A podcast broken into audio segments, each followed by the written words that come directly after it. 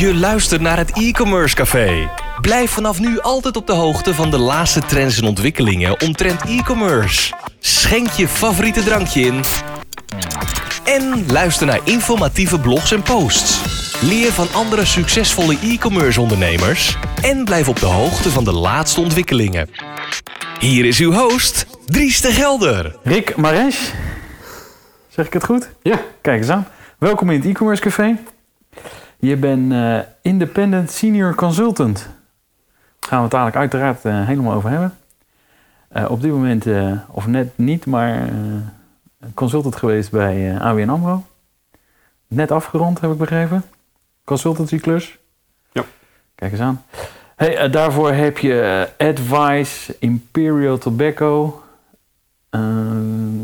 Corel Strap, Capgemini, Hanos, Nederlandse Drogisterij, Service, Coop Supermarkten, Wolters Kluwers, Deutsche Bank, nee Deutsche Telekom, sorry, Pentax, Nikon, Wanadu, AOL.com, World Online en Media Advantage. Eh, een aardig waslijstje. We hebben nog een paar vergeten, denk ik. Ja, ik kon, eh, ik kon er nog wel een paar eh, doen. maar ik denk alles een beetje wat met internet te maken had, die heb ik erop geschreven. Eh, en je bent, eh, hoe heet het? Ik ben hier eh, op uitnodiging van Robert, Robert Gaskamp. Ga- Van, ja, Robert van de expertgroep van thuiswinkel.org. Nou, daar gaan we het eens even over hebben natuurlijk, uiteraard. Maar ja, leuk, welkom of uh, dankjewel dat je me hebt uitgenodigd bij jou thuis. Dus we Welkom zitten- in Oosterbeek. welkom in Oosterbeek. Het groenste dorp van 2015. Is dat zo? Ja. Nou, het is inderdaad heel erg groen. Ja. Eh, ik kwam eh, van Arnhem, dus dan rij je eerst langs de zoo en dan eh, langs alleen maar bomen heb ik gezien. Ja, echt een prachtige route. Ja. Dus uh, nou, dankjewel voor de uitnodiging Graag gedaan. en voor de gastvrijheid. Vertel eens, wat doet een independent, independent senior consultant? Ehm, ja, het is een hele mond vol. Eigenlijk wat een consultant doet is eh, wijsheid, eh, netwerk en een ervaring meebrengen. Ehm, dat doe ik als interim, maar dus daar komt het independent gedeelte vandaan. Ehm, dat is eigenlijk wat ik doe. Dat is het direct antwoord op jouw vraag. Oké. Ze hebben een hulpvraag, zeg maar, die ze niet intern, intern kunnen oplossen, om wat voor reden dan ook. Ehm, en dan zoeken ze daar een interim eh, consultant voor, zeg maar, die ze tijdelijk daarmee kan helpen. Ehm, dus mijn doel, dat zeg ik ook altijd, is zo snel mogelijk mezelf hier misbaar maken. Oké. Dus eerst hebben ze je nodig en daarna zorg je zo, dat je zelf weer weg kan. Ja, dat is, dan heb ik het goed gedaan eigenlijk, eh, Oké. zeg maar. En hoe lang duren dat soort trajecten dan? Dat varieert. Ehm, het varieert meestal, begint het bij een maand of drie eh, dat je voor de eerste keer aan boord eh, halen.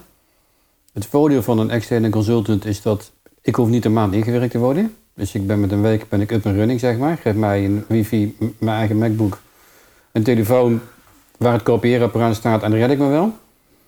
Ehm Koffieapparaat? koffieapparaat of thee, inderdaad, ja. Ehm, en dan vind ik me weg. En dan ben ik eh, snel, eh, kan, ik, kan ik mijn ding doen. Ik word, eh, meestal worden interim consultants gezien als zijnde duur. En dat vind ik een hele opmerkelijke redenatie. Ah, dat snap ik. Maar waarom vind jij het? Nou, omdat ehm, als je een goedkoop iemand inhuurt, of het zelf laat doen, dan duurt het langer. Dan betaal je, uiteindelijk betaal je daar de prijs voor. Ik kom gewoon mijn ding doen. Het liefst zo snel en zo goed mogelijk. We spreken af, nou, dit is wat we graag willen dat je gaat doen. Dat is gewoon redelijk simpel. En dat, eh, dat lukt meestal. Ja, kijk mijn track record. Ja, ik weet niet of ze allemaal succesvol Ja, waren. nee, nee, nee, nee. Je mag ook een referentiecheck doen. Nee, nee, nee. Maar ik bedoel, eh, het is eh, het voordeel, maar tegelijkertijd ook nadeel van een interim consultant. ehm, is de opdracht die ik nu doe en succesvol doe, is, dat zeg ik altijd, is mijn rode loper naar de volgende. Het wereldje is te klein binnen retail eh, om het één keer eh, niet goed te doen en dan die met bluff naar de tweede te kunnen denken te halen. Gaat je niet lukken. Nou ja. Nee, zo simpel is het. Maar ja, het is natuurlijk, eh, is, is de verwachting soms niet veel, veel hoger dan dat je misschien kan leveren? Of is dat nog niet voorgekomen? Eh, nou, het is niet zozeer de verwachting van wat ik kan leveren, wa- wat, het een, wat een match zou kunnen zijn. Het is meer dat als men iets roept, als voorbeeld, we willen data-driven en customer-centric eh, worden, Geen idee wat ze eigenlijk zeggen. Ah. Dus de verwachting is weliswaar heel hoog. Maar aan mij de taak om dat dan te managen. En dan uit te leggen en uit te vragen. Maar wat is jouw verwachting dan? Wat, wat denk jij dat het is? Als we daarover eens zijn, dat kan ik samen met het bedrijf gaan bepalen. Of de opdrachtgever moet ik in dit geval zeggen. Als je daar naar wil komen, dan heb je dat en dat en dat daarvoor nodig. En dan gaan we dat en dat en dat, dat gaan we ervoor doen. Dus je probeert het altijd in kleine stukjes te hakken, zodat het ook behapbaar wordt, zeg maar. En dan heb je ook een concreet stappenplan. Gekoppeld aan wat ik dan altijd zeg, een soort maturity model. Ja, ja oké. En dat stappenplan voer je dan zelf vaak uit? Of, eh, Nou ja, ik heb ook vaak te maken met een interne organisatie met een heleboel verschillende stakeholders. Dus je hebt ook alignment nodig binnen, binnen het bedrijf waar ik dan mijn ding kom doen, zeg maar. Ehm, en ik heb ook heel vaak te maken met externe ehm, bedrijven. Ehm, dat kan een uitdaging zijn wel eens. Dan heb je zo drie schuine streep vier hoek, zeg maar, waarin ieder eigenlijk zijn eigen belang heeft, om het zo maar te zeggen. Maar je moet wel samenwerken. en, dus, dan, eh, eh, ja, en dan werken ze je soms tegen in plaats van dat ze me je helpen om... eh, Nou, nee, kijk, het is er. eh, ik, ik zit niet. Op die manier zit ik dit niet in. Maar het verdienmodel van de agency is. Ze willen graag uren maken en ze willen graag zo lang mogelijk aan boord blijven. ja. Dat snap ik. En jij wil zo gauw mogelijk weer weg. Nou ja, het kan soms zo zijn, zeg maar, dat de perceptie van een samenwerking wat een agency heeft met een bepaald bedrijf ehm, misschien wel wat langer is eh, dan nadat ik, of een andere consultant, het gaat niet over mij in dit geval, maar over het consultant zijn, zeg maar, daar een ander idee over hebben. Ja, dan kan het door het bossen, laat ik het daarop houden. Dat geloof ik, ja. Lijkt Ja. me best lastig af en toe. Ja. Dat zou kunnen, ja. ja. Ik heb dat nooit als negatief ervaren, maar het is natuurlijk onoverkomelijk dat dat wel eens eh wringt, laat ik het dan zo zeggen. Maar aan de andere kant, de wereld is te klein van een aantal agencies die, zeg maar, op, nou ja, hoog niveau klinkt dan wat arrogant, maar eh, die bij bepaalde bedrijven tegenkomt, laat ik dat dan zo zeggen, eh, om elkaar te vaak op een niet vriendelijke manier tegen de haren te strijken. Dus dat, heeft ook, dat doe ik ook nooit. Nee, nee, nee. Maar dat werkt vaak ook niet natuurlijk. Nee. Je moet wel samen weer verder kunnen. Precies. Oké. Ja. Eh, ja. Is het dan ooit wel eens geëscaleerd dat je denkt van oké, die partij dat kan echt niet. En dat je dan zegt sorry, maar ik denk dat ze het beter weten dan eh, eh, dus ik ga ergens anders kijken. Of Nou, dat zijn het meestal, nou, het zijn meestal, eh, je ziet bedrijven die realiseren zich dat ze moeten beginnen met een e-commerce traject, zeg maar. Waar dan ook loyalty, analytics, fulfillment, klantenkaart, eh, allemaal uitdagingen, zeg maar, ook bij zitten. Dat die oorspronkelijk bij wat kleine agencies zitten. En dat- dan merk je heel snel dat dat agency te klein wordt voor hen, omdat ze het gaan ontgroeien. Dat is de enige reden dat ik wel eens in de clinch gekomen ben met een bedrijf waarvan ik zei, jongens, jullie moeten er afscheid van nemen, want met alle respect. ze kunnen het gewoon niet aan. Nou ja, weet je wel, je moet daar realistisch in zijn. Ja. En eh, wat voor bedrijven praat je dan eh, qua omvang eh, dat, dat ze te klein zijn? Of, of is het meer qua omvang, qua kennis? Ja, het is meestal. Het wordt voor bedrijven die een wat groter traject aan willen gaan, wat te maken heeft met e-commerce, eh, zeg maar. Dat, eh, daar zijn ook heel vaak aparte eh, veel stakeholders bij betrokken. IT, marketing, communicatie, C-level, fulfillment. je hebt communicatie, allerlei verschillende stakeholders. Die hebben allemaal meestal ook hun eigen bedrijven waar ze mee samenwerken. Dat, dat kan een dingetje worden. Eh, als je dan ook nog eens een keertje loyalty wil doen en je moet da databases aan elkaar eh, proberen te verbinden, zeg maar. En je wil een customer journey wil je plotten omdat je, referent, omdat je relevanter wilt zijn, zeg maar, om te kunnen zien welke eh, fase iemand van de customer journey is, een klant. Ehm, dan heb je weer een ander bedrijf daarvoor nodig, zeg maar. Dan is het niet handig om met twaalf agencies aan boord zo'n traject in te gaan. Hm. Dan kun je beter één agency zoeken wat een aantal van die disciplines aan boord heeft, zeg maar. Die kunnen ook intern sneller schakelen, waardoor het rendement eh, hoger is en dus het effect is hoger. Ja, En dus je, kunt sneller vooruit. oké. Ja, logisch eigenlijk, toch? Ja. Hey, eh, eh, in je rijtje. Wanadu, World Online, AOL. Ja, Dat is even Ja. geleden, of niet? ja, ja. ja, ik ben een, hoe zeggen ze dat ik er weer, nog net iemand uit de stenen tijdperk, maar het is wel lang geleden inderdaad, ja. Ik werd er toevallig van de week aan herinnerd. Toen, eh, Was dat nog met die eh groen-zwarte beeldschermen? Eh, dat- dat zou maar zo kunnen. Eh, nee, maar ik werd er toevallig van de week aan herinnerd, omdat Nina Brink is het nieuws. Ah, Oké. Ik, en ik, ik heb natuurlijk bij Wilderlijn gewerkt en ik, nou, ik ken natuurlijk Nina. En ik ben haar zus destijds aangenomen. Dus het- dat wat daar toen allemaal gebeurd is bij Wilderlijn, want ik heb er ook gezeten toen het de beursgang er was. Daar bracht weer een aantal herinneringen boven, laat ik het dan maar zo zeggen. Oké. Ja. Leuker of eh, minder leuker? Eh, nou, ik heb daar geen onprettige herinneringen aan, eh, zeg maar. Het is een periode eh, geweest, eh wat zal het geweest zijn? Begin 2000 of zo, geloof ik. Ja.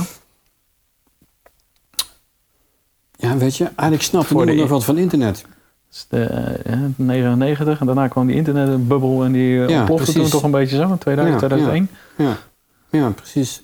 Dus ehm, ja. Moet je nagaan hoe snel het gegaan is. Dat wil ik eigenlijk zeggen. Ook dat, ja. Qua ontwikkeling, qua Facebook techniek. bestond toen nog niet. Nee, een heleboel dingen bestonden natuurlijk nog niet. Google nog niet. Ik bedoel, je noemde net America Online. Nou ja, die hebben, nadat ik bij um, World Online weg ben gegaan, zeg maar, omdat, nou ja, geflopte beursgang. ehm, werd ik gevraagd bij, eh, om bij America Online te komen werken. Dat was destijds de grootste internetprovider van de wereld. En die gingen Time Warner overnemen. Dat is de grootste deal van de century. Dat digitaal nam analoog bedrijf over. Dus wij waren in één keer, ik kon toen wij zeggen, eh mede-eigenaar van Time Warner, Warner Music, eh, m- eh, weet je wel.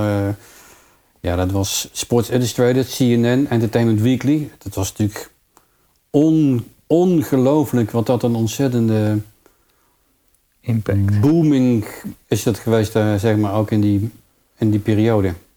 Ja. Heb jij dan, was dat dan ook in die tijd van, eh, in, die, eh, in die bubbel heb jij ook mee eh, geëxplodeerd? Echt? Ja, ik was natuurlijk wel. ja, ik, kon, ik, wa- ik was verantwoordelijk bij America Online voor het uitrollen van sponsordeals die op global niveau waren afgesloten, maar dan voor Europa.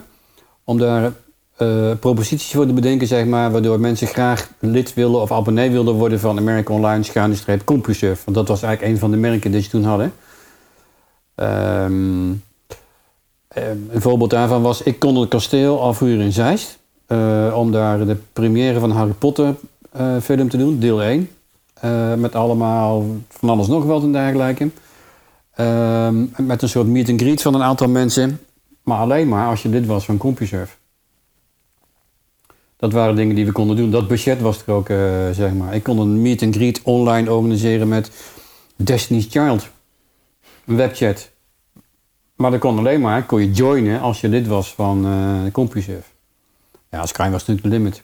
Gaaf. Dat zijn Ja. wel leuke plannen natuurlijk. Ja, dat, was- dat was wel leuk, eh, inderdaad, ja. En ja. gold het ook voor je salaris, zeg maar? Dus dat je echt gewoon meeging in die bubbel? Of, Ja, ik eh, was toen echt een hele foute internet. eh, snelle Harry was ik inderdaad eh, met een dikke alfa. En ja, dat klopt. Ja. Dat hoort er allemaal bij, hè? Ja. En toen in 2001 kwam in één keer die patsboom eh, uit elkaar, of 2000. ja, 2001 hè, was dat kracht inderdaad, ja. Nou, dat had, even kijken, dat had niks te maken met eh 9-11 volgens mij. Ja, dat had wel te maken... Nou, in dit geval had het te maken met... toen die vliegtuigen twee torens eh, invlogen in New York, eh, zeg maar... was eigenlijk de hele wereld ging op slot... omdat men bang was, was dat de derde wereldoorlog zou beginnen. Ah. Dus dat heeft er wel voor gezorgd dat iedereen eh, pas op plaats maakte. En natuurlijk nog de Millennium Bug. Ja, nou ja, dat zou best, best meegespeeld kunnen hebben, ja, inderdaad, ja. ja. Opkomst van Google. Ik weet nog wel, die in 2000 deed ik nog eh Alta Vista volgens mij. eh. Ja, ik heb ook al, ja, nou ja, ik bedoel, eh, ik ben nog ook 2001 uit de tijd van ICQ en Ja, You've Got Mail en Ja, dat heb ik allemaal meegemaakt. En van het spammen van de cd'tjes, hè, wat natuurlijk uh, Compie zelf ook deed. Spammen van cd'tjes. Ja, ja. Ja, het was een leuke periode. Maar nogmaals, moet je nagaan hoe snel het gegaan is sindsdien met alle ontwikkelingen, hè? Ja, zeker. Ja. Dat je nu gewoon 4G en dat je gewoon overal internet hebt en dat soort dingen. En- Nou ja, kijk, het was, toen was het een, ehm, ehm, een voorspelling, een beetje van het Griet titulaar gehalte, zeg maar, dat hij zei, over een aantal jaren, dan hebben we een soort van telefoon in, zo- in onze hand en dan kun je op je telefoon zien waar je vrienden zijn. En dan kun je ze een bericht sturen en dan kun je afspreken in een café in de buurt van waar jullie allebei zijn. Toen de tijd dacht iedereen van, dat kan niet waar zijn. En nu is het de normaalste zaak van de wereld. ja, bizar hè? En dat er ook verdienmodellen zijn eh, eh, zeg maar ontwikkeld eh, die dat allemaal faciliteren. Dat is natuurlijk wel leuk. Als dit in maar tien jaar gebeurt, qua technologische ontwikkelingen, moet je nagaan wat er vanaf nu, 2020, over tien jaar veranderd weer zal zijn. Dat vind ik het leuke van online en digitaal. Ja, gaat hard. Ja. Zoals, ik heb toen ooit, 20 jaar geleden inderdaad, volgens mij in 2000, Ja. toen deze de voorspelling, oké, eh, je moet, eh, het internet staat echt nog maar in de kinderschoenen. Vergelijk het met televisie, wat televisie nu kan. Ja. En eh, wat, dat, wat, wat voor gevolgen, ze zijn al 60 jaar bezig met televisie. Ja. En wat zal dat dan zijn met internet over 60 jaar? Wat, Ja. ga je eens denken. We Ja. staan nu nog maar zo'n puntje. En daar zitten we nu ook nog maar in. We zitten echt nog in die kinderschoenen met wat internet kan. Ja. Het, Ja. eh, wat 5G dadelijk gaat doen en dat soort dingen. Ik heb allerlei filmpjes gezien eh, over technieken en verbindenissen met elkaar. Hoe auto's dadelijk met elkaar kunnen communiceren en dat soort Ja. zaken. Dat, Ik denk persoonlijk, ehm, dat zie ik altijd zo, ik denk persoonlijk, ik denk dat ehm, de- het woord internet over een tijdje ook niet meer gebruikt gaat worden. zo normaal. Wat, wat als je, met je hoe, hoe doe je het met je telefoon? Ga je dan nog naar internet? Nee, je gaat gewoon online kijken of iets er is. Op een app of wat dan ook, eh, zeg maar. Hmm. Dus het woord internet, weet ik zeker, gaat gewoon, gewoon er wordt ouderwets. Ja, we hebben, gebruiken het eigenlijk al niet meer bijna. Nee, maar wat is, in ons hoofd nog wel, heb ik het idee. eh, weet je, een heleboel mensen hebben het er nog wel over. Het internet. Ja, Ja, apart is dat. Gaat verdwijnen. ja, zeker. Alles is gewoon of online of online. En Maar ik ga ook nog van. steeds naar het sporthuiscentrum.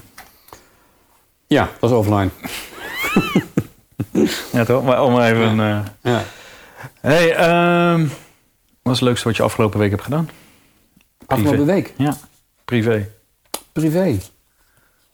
Eh, En over werk hebben we het net al heel lang gehad. Ja. Ehm, ik ben met eh wat familieleden ben ik, eh, een dagje ben ik naar Haarlem geweest. Eh, ja. Mijn ouders zijn destijds getrouwd, dus dat maakt het dan speciaal, eh, zeg maar. En we hebben daar bij een café waar zij warme herinneringen aan hebben, hebben wat eh, geluncht en in de zon gezeten. En mijn nichtjes waren er ook bij, dus het was wel een speciaal moment, eh, inderdaad, ja. Echt zo'n familiemoment. Altijd belangrijk. Ja. Familie. Ja, toch? Ja. Wat doet een expertgroep bij vanthuiswinkel.org? Want daarom... Ja, in dit geval, eh, dit is mijn derde jaar dat ik lid ben eh, van een expertgroep. Het is een erebaantje overigens, waarvoor je uitgenodigd eh, wordt. Je kunt niet solliciteren, maar wel jezelf aanmelden. En dan is het maar onder voorbouw dat je ge- geaccepteerd wordt. Ehm, in dit geval Digital Identity, de New Gold heet het dan, waar ik dit jaar deel van uitmaak. Ehm, de personen die daarvoor gevraagd worden, die ehm, hebben... ehm, kennis van het onderwerp waarvoor je gevraagd wordt. Digital, digital identity, dus de digitale identiteit van eh, klanten, zeg maar, of doelgroepen of breedste zin van het woord. Ehm, en wat zijn de mogelijkheden en ook misschien wel de onmogelijkheden daarvan in de toekomst. Dan zit je met een aantal gelijkgestemden. Kunnen mensen uit eh, finance eh, zijn, maar ook normale eh, retailers. Fabrikanten kunnen het ook zijn. Service providers kunnen het ook zijn. Bijvoorbeeld payment solution providers eh, zijn, eh, kun je het hebben. Dus een aantal mensen van verschillende pluimage, om dat woord maar te gebruiken, vind ik een mooi woord. En met hoeveel zitten jullie in zo'n groep? Volgens mij zitten wij nu met z'n twaalf of met z'n veertiende erin eh, dit jaar. Ehm, en wij gaan eh, uiteindelijk als het resultaat van de bijeenkomsten die wij iedere vier, vijf, zes weken houden, een eh whitepaper dat we schrijven, zeg maar. En dat is een onderdeel van het hoofdstuk van het Shopping Tomorrow boek, wat in 2020 wordt uitgegeven. En daarin, dat hoofdstuk wat wij gaan schrijven, staat onze visie op wat digital identity eh, de New Gold zou kunnen gaan betekenen in de toekomst. Dus een brugje maken naar waar we het even over hadden van tien jaar geleden. Wie weet, over tien jaar denken wij over je digitale identiteit. Eh, wel heel anders. Iedereen gebruikt nu apart eh, waarschijnlijk, als je het goed doet, loginnamen, passwords eh, en dergelijke voor allerlei verschillende sites. Heb je ook nog een keer je, je internetbankieren heb je. Je hebt natuurlijk allerlei eh, manieren, platforms, oplossingen zeg maar, om je digitale identiteit te beheren. Ehm, het is bijna onoverkomelijk, vind ik, denken wij ook, met die expertgroep, dat dat gaat veranderen. Dat gaat niet veranderen? Dat gaat juist wel veranderen. Oh, ja. dat dat gaat veranderen. Oh, sorry. Ja. Ja. En, eh, dat kan nou eens niet anders. En eh, hebben jullie, denken jullie dan ook over na hoe dat gaat veranderen? Of wat Ja. gaat veranderen? Ja. En mag je daar al wat over vertellen? Of? Eh, ja, mag wel, maar kan nog niet. want We zijn net eh zijn een er paar weken begonnen, eh, zijn we. Maar als je het vergelijkt met, je hebt dan die, eh, van die apps, weet je, LastPass, dat is een password keeper en dergelijke. Dat zijn voor je privé, privé eh, eh, is dat. Ehm, dat kan ook zijn voor passwords die je gebruikt voor het online shoppen. Maar je hebt natuurlijk nog veel meer andere dingen waar je digitale identiteit eh, in zit. Eh, je hebt dat, eh, ik geloof dat ik het, hoop dat ik het goed zeg, SDIN binnenkort voor de bank, wat er aankomt, zeg maar. Je hebt je DigiID, heb je ook nog eens een keertje. Je hebt natuurlijk allerlei verschillende ID's en dergelijke. Ja, ik denk dat dat nog wel in de toekomst gaat veranderen. Gaan we daar niet gewoon, zodra ik mijn laptop open, bam, dat is mijn paswoord? Of, ehm, Dat kan en dan misschien met een iris-check of met een combinatie, want Apple is daar natuurlijk al vrij snel in eh, geweest, eh, zeg maar, met een ehm, vingerafdruk of een combinatie hiervan. ja, ik doe nu al mijn MacBook eh, met mijn vingerafdruk openen. Dus Ja, maar ja, kijk, ik doe mijn MacBook, kan ik ook met mijn vingerafdruk, maar ook met mijn horloge. Bijvoorbeeld. ja, maar zo rijk ben ik dan weer niet. Ja. Nee, dat is waar, maar dat verschil moet er dan zijn. Ehm, maar er zijn natuurlijk alle, er zijn legio manieren zijn er, om, dat, om iets te bedenken. Dat is één, weet je dan heb je een soort use case, om het zo maar, zo maar te zeggen, om het vervolgens nog dan technisch mogelijk te maken. Plus ervoor te zorgen dat het veilig is, dat is natuurlijk een hele andere uitdaging. Zeker. Ja. Want nog steeds worden er allerlei eh, databases worden er gekraakt, gestolen, zijn er eh, van alles nog wat en dergelijke. Dat weet ik ook niet. Dus is, het is denk ik op drie niveaus. Is het, eh, zeg maar, je hebt de klant, de gebruiker, zeg maar, de tussenpersoon en de veiligheid waar het aan moet voldoen. En wordt dit nou dadelijk ook weer een gevecht van de grootste die wint eh, dadelijk, of niet? Ik heb geen idee. Met eh, bijvoorbeeld Facebook wint het op social media en het is een thuiswinkel, of thuisbezorgd wint het in Nederland met bezorgen. Ik denk dat het slimst zou zijn om een onafhankelijke partij. ehm, ehm, Zoals een DigiD bijvoorbeeld. om dat te laten faciliteren, zeg maar, maar wel met de zekerheid eh, dat het vertrouwen er is om eh, dat ook andere partijen daar gebruik van kunnen gaan maken. Ja, precies. Dat eh, creëert natuurlijk een, ehm, een mate van onafhankelijkheid. Zo, gebeurt het nou dadelijk ook al dat ik dadelijk gewoon anoniem bij een webshop kan bestellen, maar wel mijn product thuisbezorgd krijgt? Dat is nu wel het geval. Hoe dan? Nou ja, anoniem, je, bedoel, je kunt een, fake e-mailadres eh, kun je aanmaken. Dan laat je de bevestiging laat je naar het fake e-mailadres eh, besturen. Je laat je pakketje bij de Albert Heijn eh, bezorgen en klaar. Ja, dat is waar. En je kunt achteraan betalen, hoe je het wilt.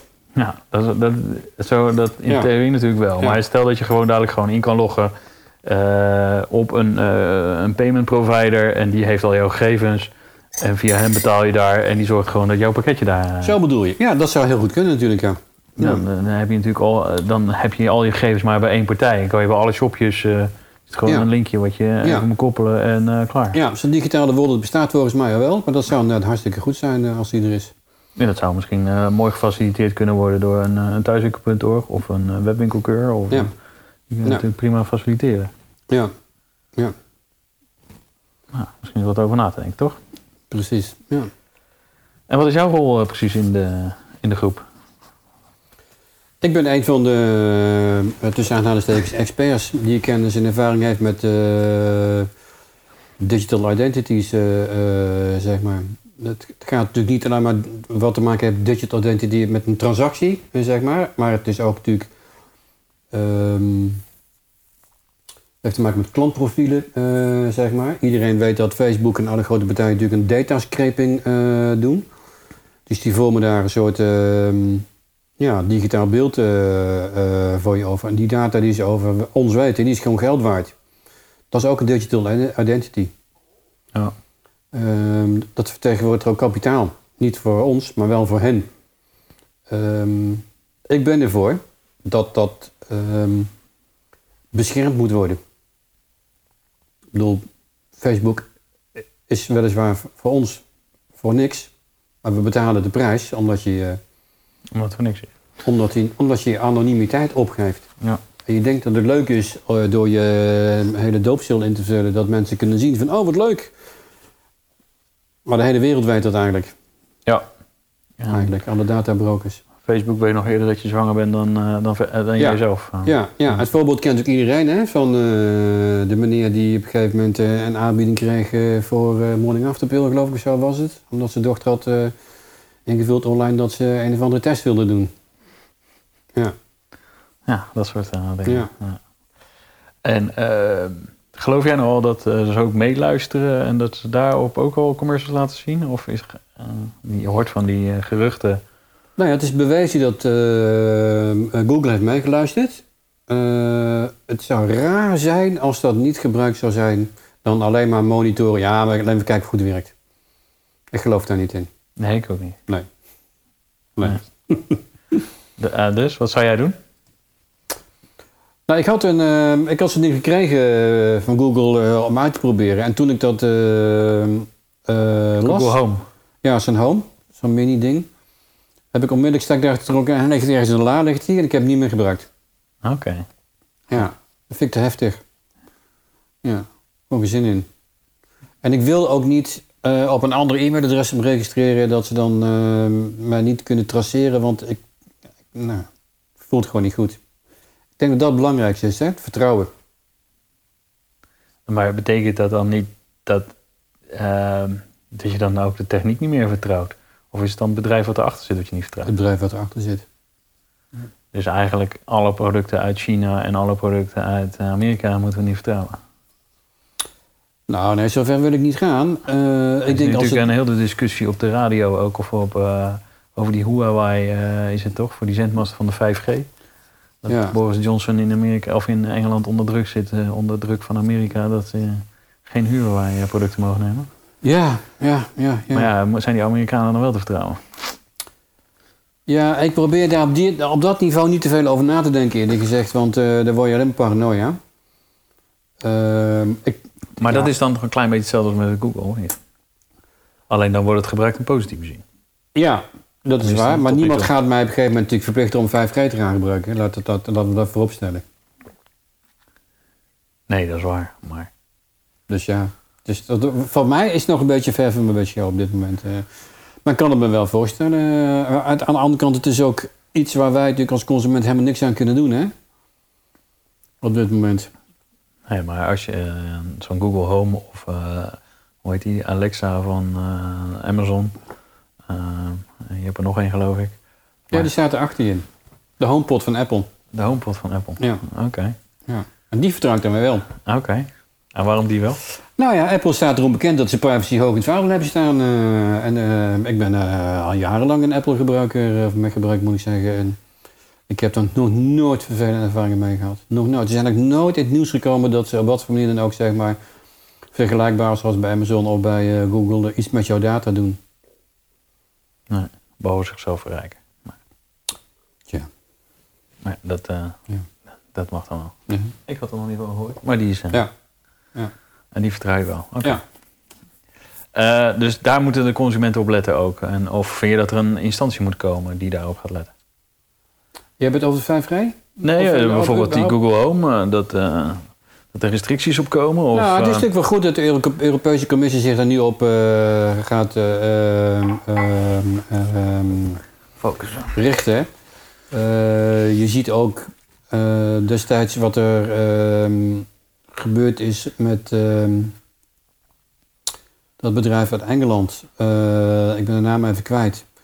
Wat al die data gestolen heeft bij, eh, gestolen tussen aanhalingstekens, bij Facebook. Dat er toen die hoorzittingen geweest zijn van de Europese Commissie. Er is nogal een beetje generatieverschil Ja, hè? van de oude mannen in grijze pakken, even spreekwoordelijk, die vragen stellen aan Mark Zuckerberg. En hij moet hen uitleggen hoe personalisatie van advertenties precies werken. Dat is natuurlijk niet handig. Nee. Laat ik het dan maar zo zeggen. Ja. Ehm, dat zorgt er ook niet voor dat je iemand zoals Mark Zuckerberg, Zuckerberg het in de scheiding kunt leggen. En precies weten zeg maar, waar je het vinger in de dijk moet stoppen om het lekker te stoppen. Ja. Dus ik vind dat best wel een dingetje, eerlijk gezegd. Eh, ik denk ook dat het kennisniveau van dat soort instanties, zoals de Europese Commissie, laat ze in ieder geval experts aan boord halen. Die het wel snappen. Ja, en laat die hem ondervragen. Precies. Ja. Want Ja. dit is natuurlijk uh, was echt een vars. Ja, ik ook.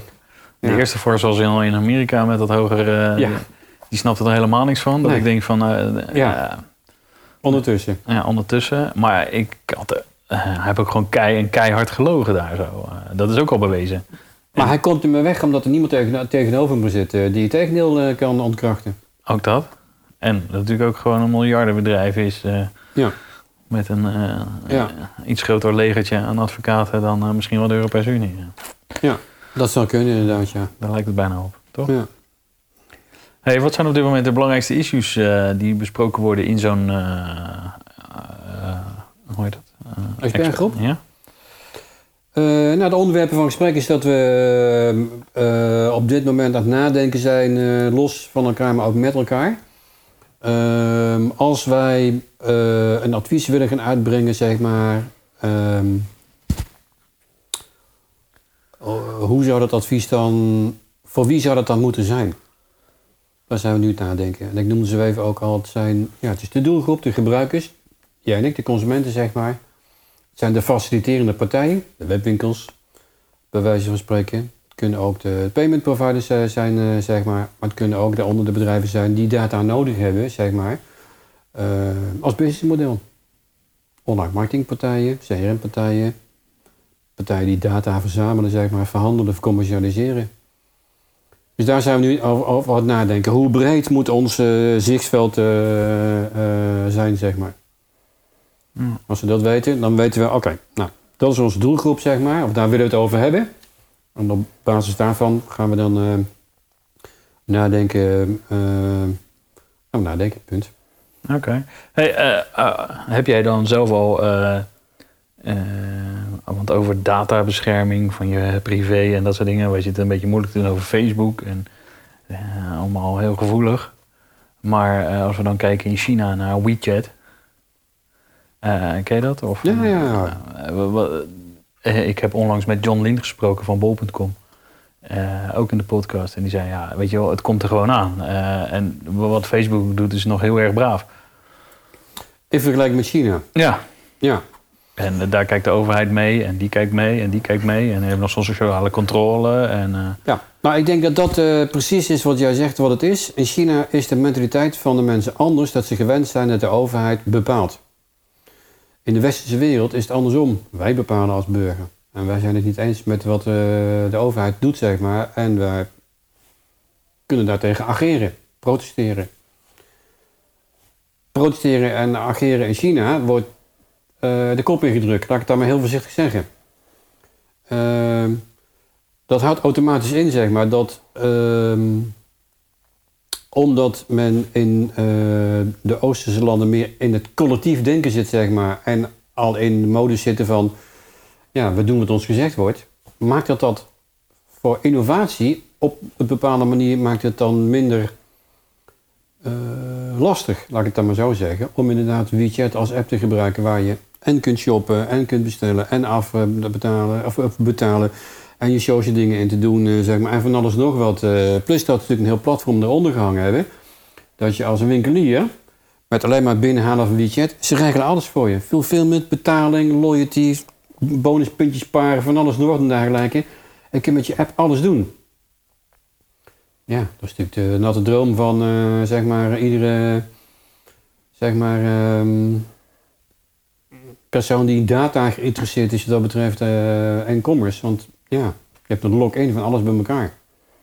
ja, maar eh, hoe heet het? John Lind die zei ook van... Maar eh, eh, los van dat de overheid meekijkt, dat, dat je niet kan Het wordt ook wel gewaardeerd, die app. Dus ze zijn er ook echt wel... Er wordt echt ook volop gebruikt. Want als je het niet wil gebruiken, hoef je het nog steeds niet te gebruiken natuurlijk. Ook in China niet. Nee, Je komt er alleen niet onderuit. echt dan wordt het wel wat lastiger om, zeg maar, om je boodschappen te kunnen doen.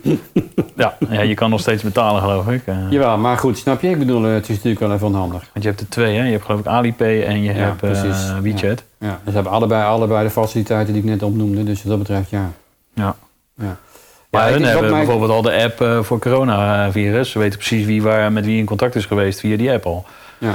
Dus als je daar iemand in isolement moet zetten, dan is het daar zo geregeld. Ja. Nee, maar ik denk ook dat eh, het verschil met ons is, zeg maar, het is, daar is het een kwestie eh, van, eh, ja, het is een voldongen feit, we delen onze data. Ehm, en in de rest van de wereld niet. Ik wil mijn data niet delen, punt. Als persoon. Oké. Nou, dat kan als je dat niet wil. In China kan dat wel zeggen, maar het gaat niet gebeuren. Want je hebt overal camera's, weet je wel. Je hebt ook het sociale beloningssysteem. Natuurlijk, eh, dat als je de rood gaat, krijg je automatisch de bon eh, krijg je thuis. Plus je krijgt nog eens een keertje eh, je boete omdat er een premie omhoog gaat. Voor je gezondheidsverzekering. Want je hebt een grotere kans dat je onder een auto komt als je de rood loopt. Ja, dat is natuurlijk best een dingetje. Ja. Je hebt in heel veel scholen heb je al gezichtsherkenning. Kinderen komen het schoolplein niet op als ze niet het cameraatje zijn gegaan. Nou, wat nou spijpen, dan heb je gewoon niet gezien. Dus je ouders worden dan automatisch op de hoogte gesteld. ja, dat is ook wel veilig weer voor andere dingen natuurlijk. Ja, nee, maar zo zie je maar weer. Dat, jij ziet dat als zo'n eh, bijkomstig voordeel. Ehm, terwijl aan de andere kant, weet je wel, dat zie ik wel heel erg Big Brother. Ja, dat is George inderdaad... Orwell ding, eh, Ja. eh, zeg maar. Dus dat is altijd, denk ik, dat ik, ik denk dat dat ook de meest belangrijke, nee, de grootste uitdaging is, zeg maar. De balans tussen convenience en Big Brother. Want we vinden allemaal vinden we het leuk om eh, gerichte advertenties te zien. Omdat ik op zoek ben naar eh, iets, bijvoorbeeld. Leuk tot tussen aanhalingstekens. Maar we vinden het irritant worden. Als ik het al gekocht heb, dan krijg ik het nog steeds te zien. Ja, wacht even. Ja. Dat is niet een systeem wat dan snapt eh, van, hoeft niet meer hoor, want hij heeft die ja, ik vergelijk... smartwatch al gekocht. Ja, precies. ik vergeleek het altijd vroeger met dat ik helemaal doodziek... Maar toen was ik nog kind, zeg maar. Toen moest je nog eh, reclames kijken. En toen keek je graag naar de ster. Want dat, eh, maar van die eh maandverband reclame, zijn we ik voor wat, weet je wel. Ja, Ja. Ik, ik zie ze niet online, omdat ik gewoon, weet je wel. Terwijl mijn vriendin bij wijze van spreken wel ziet. Ja, precies. Dat, ja, Ja. dat vind ik ook wel weer fijn. Dat je niet Ja. lastiggevallen wordt met dingen die je niet wil zien. Of die je niet, echt totaal niet interesseren. Ja, Het heeft voor- en nadelen natuurlijk. ja, precies. Maar jij ziet er meer nadelen van en ik meer voordelen. Dus. Nee, ik zie ze allebei. eh, ja, maar ik probeer, het, ik probeer alleen- wel de balans te zien van allebei. eh, en dat is natuurlijk het meest uitdagende wat er is.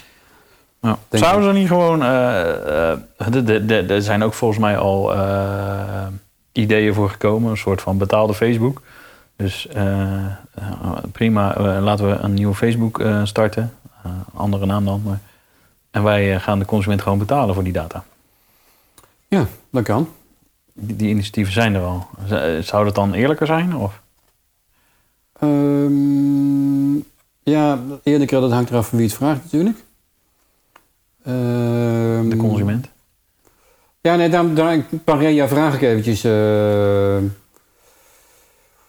Ehm, ja, ik denk dat dat eh, binnen een bepaalde groep best kans van slagen heeft. eh, ja. Oké, ja, ze bestaan al die platformen. Maar ja, ik weet dat ze, dat, dat ze bestaan. Ik denk dat... ehm, alleen het bereik eh, met, met tien eh, gebruikers eh, bereik je weinig. ja, dat is één. Maar daarentegen is de data die je verzamelt dan wel weer 100% bijna accuraat, zou je bijna kunnen zeggen. Dus in zoverre is het meer waard. Ehm, waardoor je bijna aan hyperpersonalisatie zou kunnen gaan doen, zou je bijna denken. Wat betekent dat? Hyperpersonalisatie wil zeggen dat je eh, altijd op het juiste moment de juiste boodschap bij de juiste persoon terecht weet te komen. En dus weet wanneer jij eh, Apple Watch hebt gekocht en die nog een keertje getarget wordt op een andere site met een bannetje voor een eh, Apple Watch. Ah. Van AMAC, om maar wat te zeggen. Kijk, ja.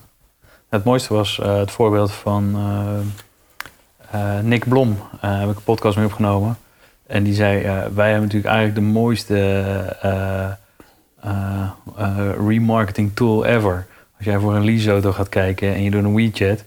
eh, oh, wat voor auto zoekt hij dan? Oh, een Opel Astra. Oh, hoeveel kilometers per jaar rijdt u? Oh, bam. Ja, Kan je gewoon gericht reclames... ja precies. waar dan ook laten komen. Oh, je zocht een, een mooie Opel Astra. Hè? Ja, precies. Voor dat bedrag per maand. Bam. Ja, ja, ja dat is natuurlijk perfect, hè? Dan kan je natuurlijk, dan kan je natuurlijk ook met de Apple Watch, weet je wel. Dat je Ja. gewoon met het juiste bandje en dingetje. En, Ja. Ja, dat is, dan wordt natuurlijk ook eh, Ja. verschrik- verschrikkelijk mooi. Ehm, E-commerce. Ehm, Hoe zie jij de toekomst van e-commerce? Nou, je ziet nu dat eh, met corona bijvoorbeeld, eh, het is weer booming. Was het dat niet dan al?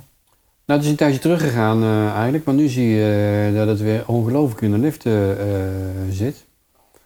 Je ziet ook weer dat retail begint aan te trekken. Ehm, ik zie geen reden om het niet positief in te zien, uh, gezegd. Ik denk wel dat er een aantal grotere spelers over zullen blijven op de markt. Ehm, dat uh, wat, uh, het middensegment zich daar misschien of bij zal aansluiten, zeg maar. Of zelf ook weer eigen marketplaces-achtige omgevingen gaat beginnen. en dat daarnaast altijd er een niche-markt zal blijven bestaan. En als je dat dan een soort beeld moet geven, hoe, hoe ziet e-commerce er over tien jaar uit? Ik denk niet anders dan nu. Alleen kun je het via allerlei apparaten kun je het bestellen. En je kunt abonnementen nemen zoals je nu ook al kunt, uh, zeg maar. En, uh, in mijn beleving, uh, tenminste in mijn fantasie, laat ik het dan zo zeggen. Nee, het zal niet veel heel veel anders zijn qua, zeg maar, praktisch gezien, denk ik. Nee, er zijn natuurlijk een aantal discussies gaande in e-commerce dat, zeg maar, er zijn nu gewoon al die mensen die een webshop hadden, die gewoon complete focus, die eerst 30 man in een magazijn hadden lopen en vijf man op marketing die iedereen naar huis hebben gestuurd en die vol op uh, Amazon en Bol uh, zijn gegaan. Maar dat is dus wat ik al zei, die gaan richting de marketplaces. Okay. Inderdaad, ja. Maar, maar dat verandert niks aan het model zelf. Uh, nee, nee, nee. Maar dan, dan, dan, dan verandert er wel, want dan, dadelijk heb je misschien geen payment providers meer nodig, omdat je, alles gaat toch via Bol. Ja, zo bedoel je. Ja. En weet je, PostNL hebben we eigenlijk niet meer nodig, want Bol.com gaat zelf leveren en Amazon gaat leveren. Ja, um, ja dat zou maar zo kunnen inderdaad, ja. ja. maar goed toch weer terug aan het begin van het gesprek. Ook dat hoort dan blijkbaar bij weer een nieuwe ontwikkeling van een doorgroeien van een uh, commerce model. Aan de andere kant komt het natuurlijk weer wel zo. Je hebt die zelfscannende koelkasten van uh, Samsung. Je hebt uh, een tijdje geleden heb je de, de dashbutton gehad van Amazon. Ja, daar heb je ook geen tussenpersoon uh, meer nodig, zeg maar. weet je wel, letterlijk met een druk op de knop of met een scan langs een apparaat gaat het op je verlanglijstje. Op een gegeven moment druk je één keer per week op de knop. Dus wil ik wel hebben. Ja, ik vind het briljant, eerlijk gezegd.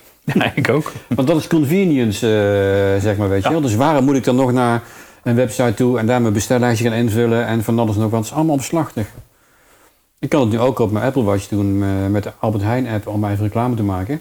Uh, spreken wat ik nodig heb, zet op mijn, op mijn boodschappenlijstje dat en dat en dat. Het gaat automatisch naar mijn app. En ik loop door de winkel met die app en ik zie de looproute van mijn app uh, van mijn Albert Heijn hier in het dorp. En ik weet wat ik moet hebben. Als ik zelf zou willen gaan. Want ik wil altijd wel zelf mijn verse spullen uitzoeken, wil ik niet hebben. Mm -mm. Dus ja, weet je, dat zijn ontwikkelingen die vind ik ongelooflijk. Um, dat gaat inderdaad, dat ja, uh, convenience, laat ik het dan maar zo zeggen. Ik vind het makkelijk. Maar blijven die kleine webwinkels dan nog bestaan? 100%. Ja? Ja, 100%. Ik denk dat het vooral op de niche zal zijn. Longboards, om maar een voorbeeld te noemen, weet je, die hele lange skateboards en dergelijke. Dat zijn alleen maar dingen die zijn custom build. Ja. Maar uh, oké, okay, Apple uh, die verkoopt dan alleen nog maar zelf, dus dan heb je dadelijk geen andere webshops meer. Nee. Of misschien via Amazon dan. Maar ja, Apple, tussen de winkeltjes en dergelijke. Ja, ik denk inderdaad... De kleine winkeltjes blijven bestaan. Ja. Ik denk inderdaad, terugkomend op de longboards, die zullen, dat soort winkels zullen altijd blijven bestaan. Het mag goed ook. Maar dus zeg maar mensen... Oh ja, dat ging ik vertellen. Die fabrikanten zeg maar, wat ik zie, heb ik zelf gezien bij Hemden Online. Bijvoorbeeld Olymp Hemden, een grote webwinkel of een grote winkelfabrikant. Ja, die is alles naar zichzelf aan het toetrekken. Ehm, heel die markt hebben op AdWords kan je niet meer adverteren. Daar staan ze nog maar toe bij een paar kleine webwinkeltjes. Maar heel langzaam draaien ze die schroef gewoon terug en ze trekken alles naar zich toe. Ja. Is dat, denk jij, een slimme zet of draaien ze daarmee in de toekomst hun eigen nek om? Ja, uh, laat ik via een omweg antwoord geven op jouw vraag. Ik snap commercieel gezien natuurlijk hun uh, een beweegreden wel. Waarom moet je de masje naar een tussenpersoon uh, afdragen? Terwijl je het ook zelf kunt doen. Je hebt alleen maar fulfillment center nodig. En die hebben ze toch al om eh, ook die... Ja. Precies. Maar ja, die, al die kleine winkeliertjes hebben hun gemaakt wie ze nu zijn. Precies. Maar die kunnen ze ook weer afnemen. Want als het dadelijk niet meer in die winkeltjes ligt... dan gaan die mensen gaan andere producten kopen. Ja. Ja, ik vind het een lastige. eh, ik, heb, ik heb natuurlijk het antwoord heb ik niet en dat is er volgens mij ook nu nog niet. Ik, ik begrijp commercieel natuurlijk wel eh, hun. Ja, maar je ziet natuurlijk steeds meer een niche, zeg maar. Hun hebben dus een niche Ja. en een goed merk. En ja, dus dan kan je je onderscheiden, of kan je je onderscheiden op Amazon en op Bol. En ja, dus ben je niet afhankelijk van die platformen. ja, Maar ze snijden die kleine webwinkeltjes langzaam de strot om. ja. Eh, en kleine winkeliers. Ja. eh, gaat dat ze achteraf dadelijk niet... eh, Ik weet het eerlijk gezegd niet. Ik, heb, ik weet het antwoord ook niet eerlijk gezegd. Ik weet nog wel dat ik tien jaar, negen jaar geleden werd ik bij Pentax Europa in Parijs. Ehm, daar werd besloten vanuit Japan, we gaan ook e-commerce doen in Europa. Dus mijn uitdaging was om dat dan eh, van het grond af aan op te tuigen, zeg maar, eh, om te beginnen in zes of acht landen. Nou bleek al vrij snel dat wij ehm, sowieso intern een con- een conflict hadden met de salesmanagers die overeenkomsten hadden afgesloten met alle grote Carrefour's, Mediamarkt, Saturn, Jessip's en eh, aan de klant heb je natuurlijk wel eens een soort Mediamarkt-achtig eh, bedrijf zitten. Zo van als jullie zelf gaan beginnen, dan gaan wij niet meer eh, jullie handel afnemen, bekijk het maar. Oké. En wat we toen gedaan hebben, is dat we de bestaande ehm, overeenkomsten met dat soort partijen hebben laten doorlopen. Maar het enige wat we zelf online zijn gaan verkopen is accessoires. Oké.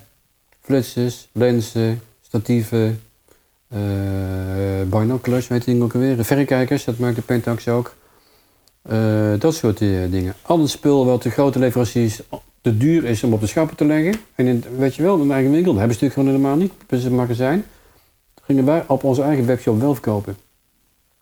De link die we wel hadden gemaakt, om vervolgens relevant te kunnen zijn, is dat als iemand een Pentax camera gekocht had bij Carrefour in, eh, in, Frankrijk, eh, zeg maar, dan zorgden we ervoor met een aanbieding, en er was een soort verdeelsleutel was erover, eh, wat als vergoeding werd betaald aan dit geval de Carrefour, zeg maar, dat als die klant die bij jullie wat gekocht heeft, het product bij ons binnen de Pentax-omgeving eh, registreert, dan hebben we in ieder geval de footprint van iemand om daarmee te kunnen relevant zijn met de volgende aanbieding.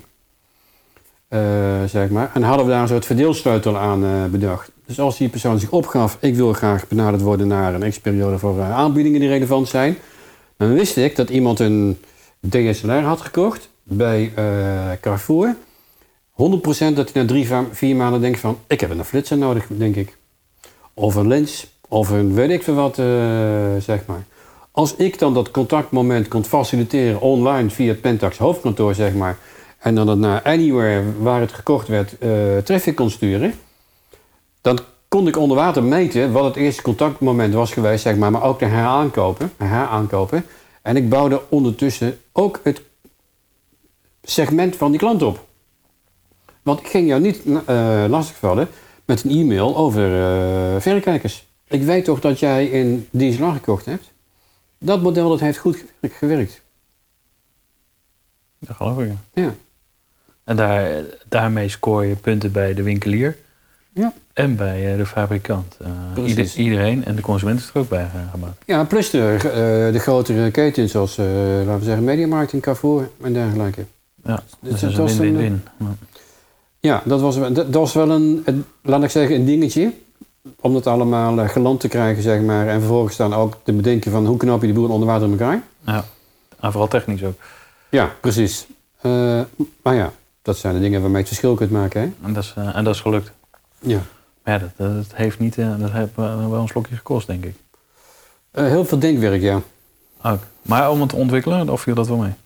Nou, kijk, ehm, als, er, als je een goede business case hebt, dan, als je een, dan zijn de kosten zijn een investering en geen kostenpost. Dat is natuurlijk waar. Ja, dus in dat doen, maar het is natuurlijk altijd zo, hè? Ja. De een vindt een ton veel en de ander denkt van, oh, valt val best mee. Oké. Ehm, ja, ik denk niet dat hij heel erg relevant is, maar ik ga hem toch stellen. Eh, moeten de e-commerce ondernemers bang zijn voor Amazon? De komst. Eh, ja, denk het wel. Of is het een kans? Ehm, Maar dat wil niet zeggen dat je ook niet tegelijkertijd een beetje angst kunt hebben. Ik denk dat angst namelijk ook iets positief kan zijn, omdat het je scherp houdt. Maar eh, zeg maar, handelaren, zeg maar, die vroeger gewoon spullen inkoop, kochten en weer verkopen. Daar is denk ik dadelijk geen toekomst meer voor. eh. Ja, dat is in zoverre, dat is natuurlijk de rechte eh, vorm van angst. ja, Aan de andere kant, je hebt Ja. ook een minder negatieve vorm van angst. Dat is van ja, het zorgt er wel voor dat ik scherp moet blijven en mee moet gaan met nieuwe ontwikkelingen. Ja, en dat ik misschien eh, mooie, kwalitatief goede producten zelf moet gaan regelen in plaats van Chinese meuk. Ja, nou ja, dat, dat, dat hele TikTok staat er vol van, van al dat soort dropshipment tips en dergelijke. Ja, dat is natuurlijk wel ja, leuke uitdaging. Ja, het is allemaal margewerk, hè? Ik bedoel, waar heb je het over? Ja. Wat zou jij doen eh, als je op dit moment een webwinkel had waar je in eh, producten inkocht, verkocht? Eh, hoe zou jij denken, omgaan met de, toekomst van de platform? Ik denk dat ik mijn accountant zou vragen van, wat is wijsheid? Eerlijk gezegd. Ik denk dat eh, altijd eh, het hart van een ondernemer iets anders zegt dan op een gegeven moment eh, de cijfers misschien... Oké, maar stel, het, is, het loopt nu nog allemaal goed. Maar je, gaat, je moet nu zeg maar keuzes gaan maken. Je moet nu al gaan denken, oké, Amazon komt. Ja, je wil de gouden tip van mij hebben, hè? Dat is nee, nee, nee, ik wil geen gouden Nee. tip. Ik wil gewoon vragen, wat zou jij doen? Weet je, want je, je kan nu gewoon succesvol onderhand eh, verkopen. Je producten op Amazon, Ja. op bol.com. Maar op een gegeven moment gaat dat...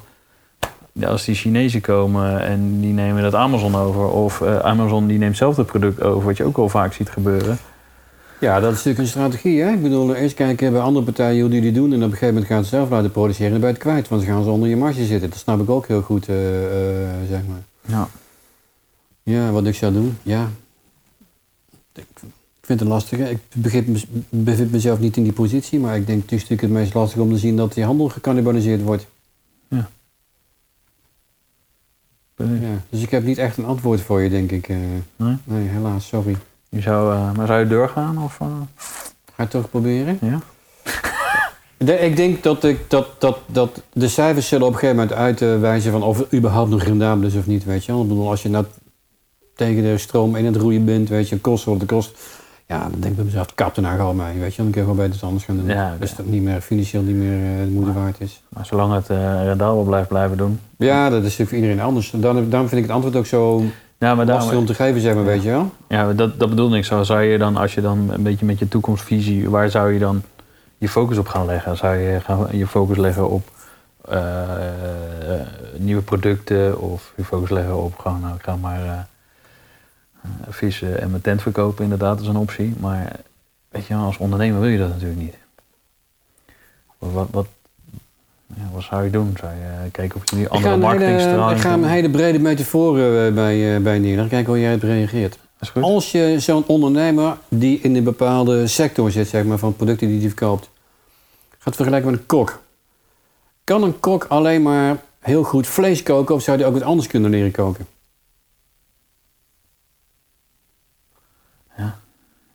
Snap je? Als die handel in die producten nou op een gegeven moment niet loopt.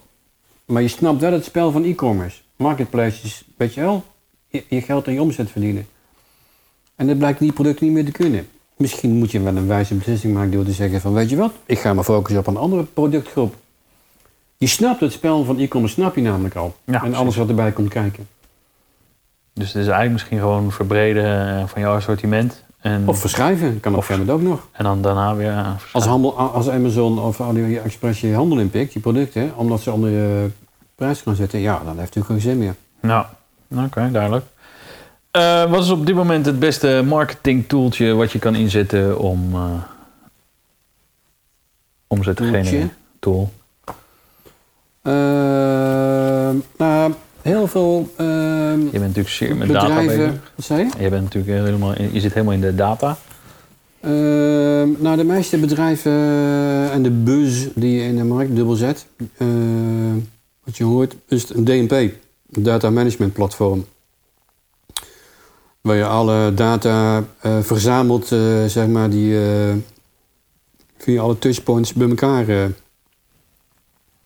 vergaart.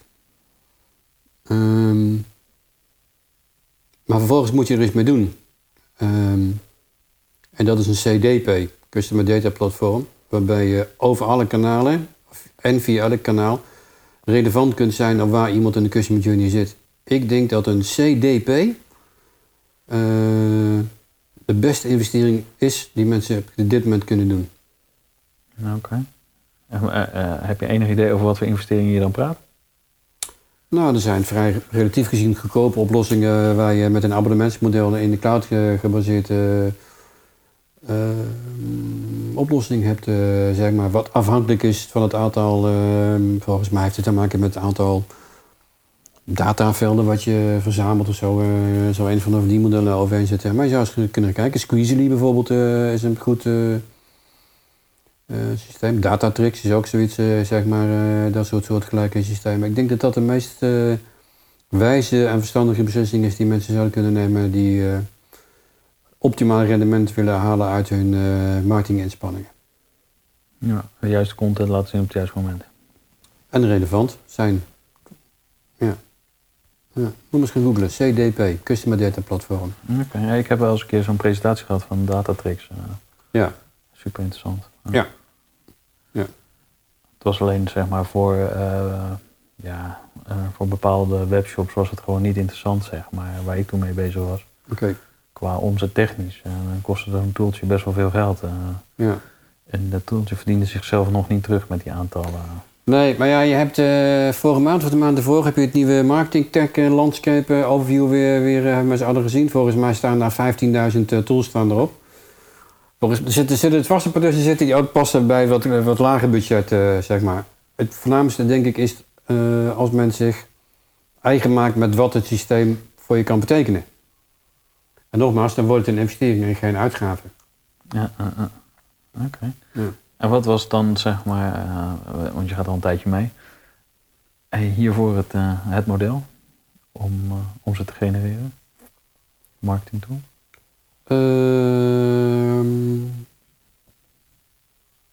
ja, dat is een goede vraag. Ik ben niet echt online marketeer natuurlijk. Ehm, ja, ik denk campagne management tooltjes, eh, zeg maar, eh, dat dat het hem was.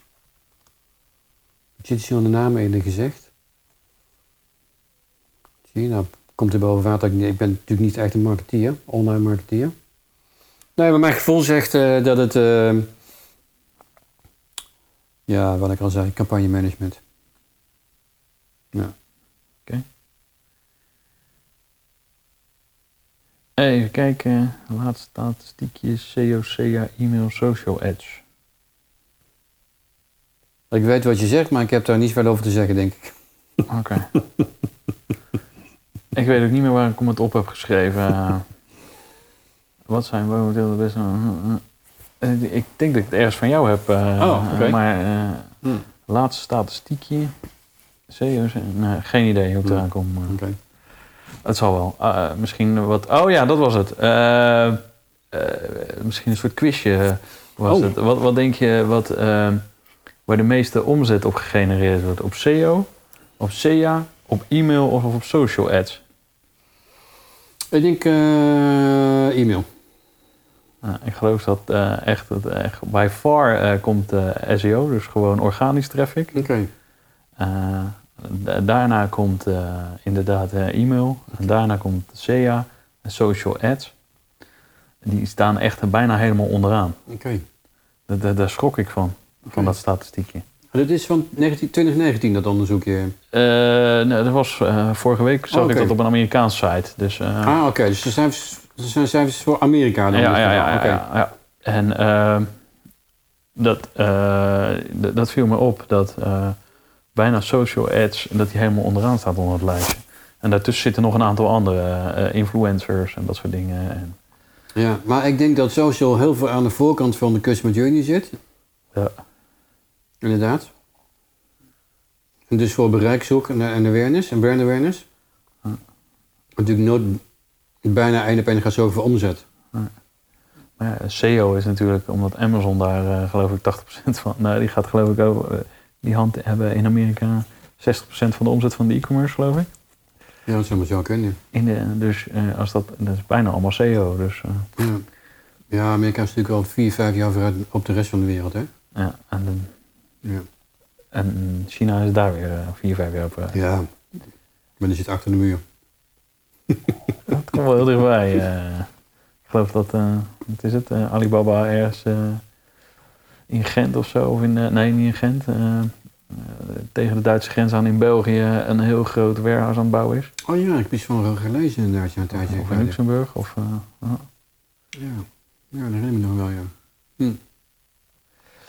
Ehm, als je nu een webwinkel zou beginnen, Mhm. Eh, wat zou er dan jouw eh, eh, nummer één tip zijn? Ehm.